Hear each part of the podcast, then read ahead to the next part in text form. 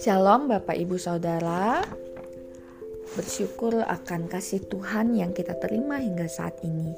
Pada pagi hari ini kita akan kembali merenungkan kebenaran firman Tuhan Yang terambil dalam Yesaya pasalnya yang ke-10 Namun sebelum kita merenungkan firman Tuhan Mari kita bersatu di dalam doa. Kita berdoa Tuhan Yesus yang baik, terima kasih atas kasih setiamu dalam hidup kami hingga saat ini. Kami bersyukur atas penyertaan-Mu Tuhan dan saat ini kami akan kembali merenungkan kebenaran firman-Mu.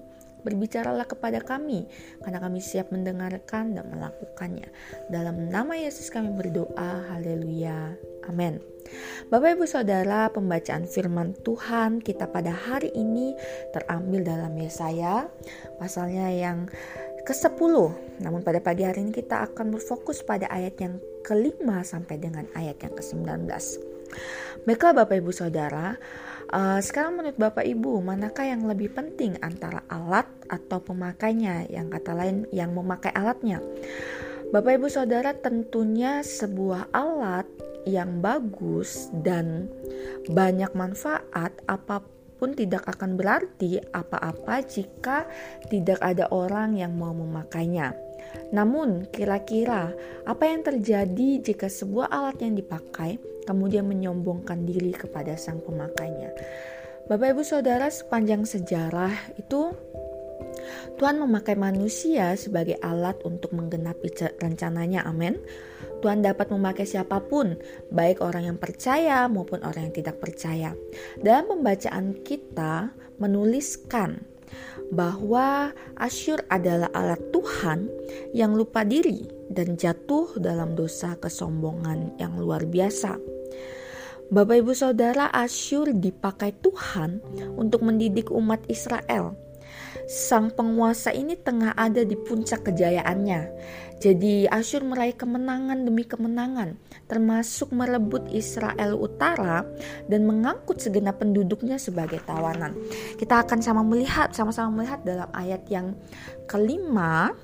Di sini dikatakan bahwa Celakalah Asyur yang menjadi cambuk murkaku dan yang menjadi tongkat amarahku. Kemudian ayat yang keenam, aku akan menyuruhnya terhadap bangsa yang murtad dan aku akan memerintahkannya melawan umat sasaran murkaku untuk melakukan perampasan dan penjarahan dan untuk menginjak-injak mereka seperti lumpur di jalan. Kemudian kita melihat pada ayat yang ke-15 di sini dikatakan Adakah kapak memegahkan diri terhadap orang yang memakainya atau gergaji membesarkan diri terhadap orang yang mempergunakannya?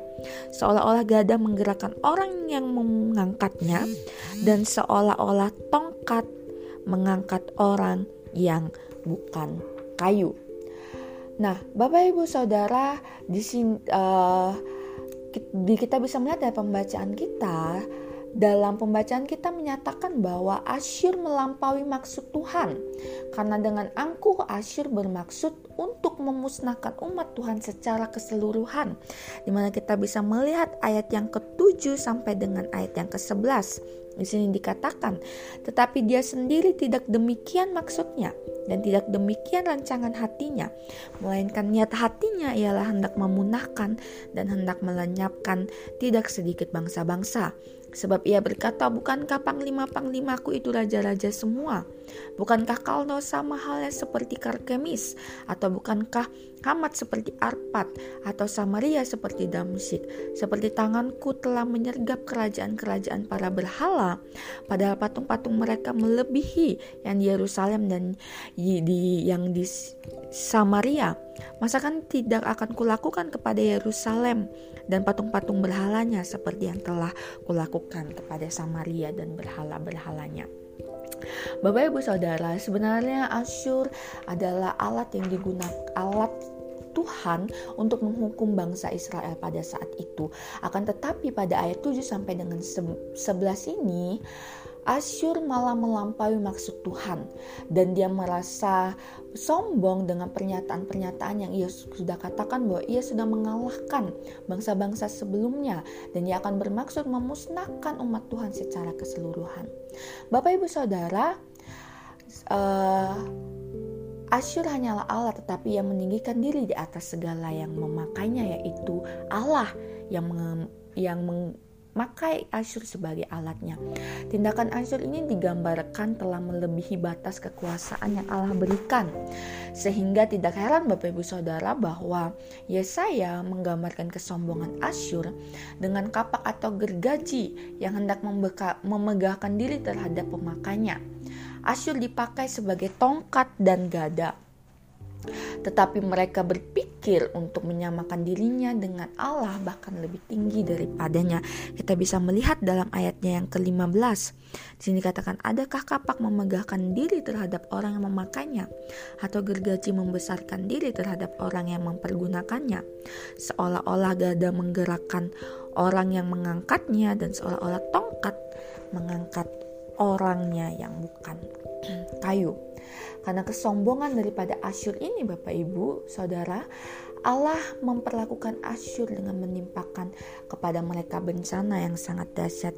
Kita melihat pada ayat yang ke-16 sampai dengan 19 sebuah uh, hukuman kembali yang diberikan oleh Allah kepada Asyur karena ia sudah merasa tinggi hati Bapak Ibu Saudara. Hukuman yang Tuhan berikan kepada Asyur karena kesombongannya ini bersifat menyeluruh di mana tanah ladang pertanian, para penghuninya dan perkebunan mereka hanya akan tinggal kenangan saja. Sisa-sisa Asyur pun digambarkan akan dapat dihitung oleh seorang anak kecil.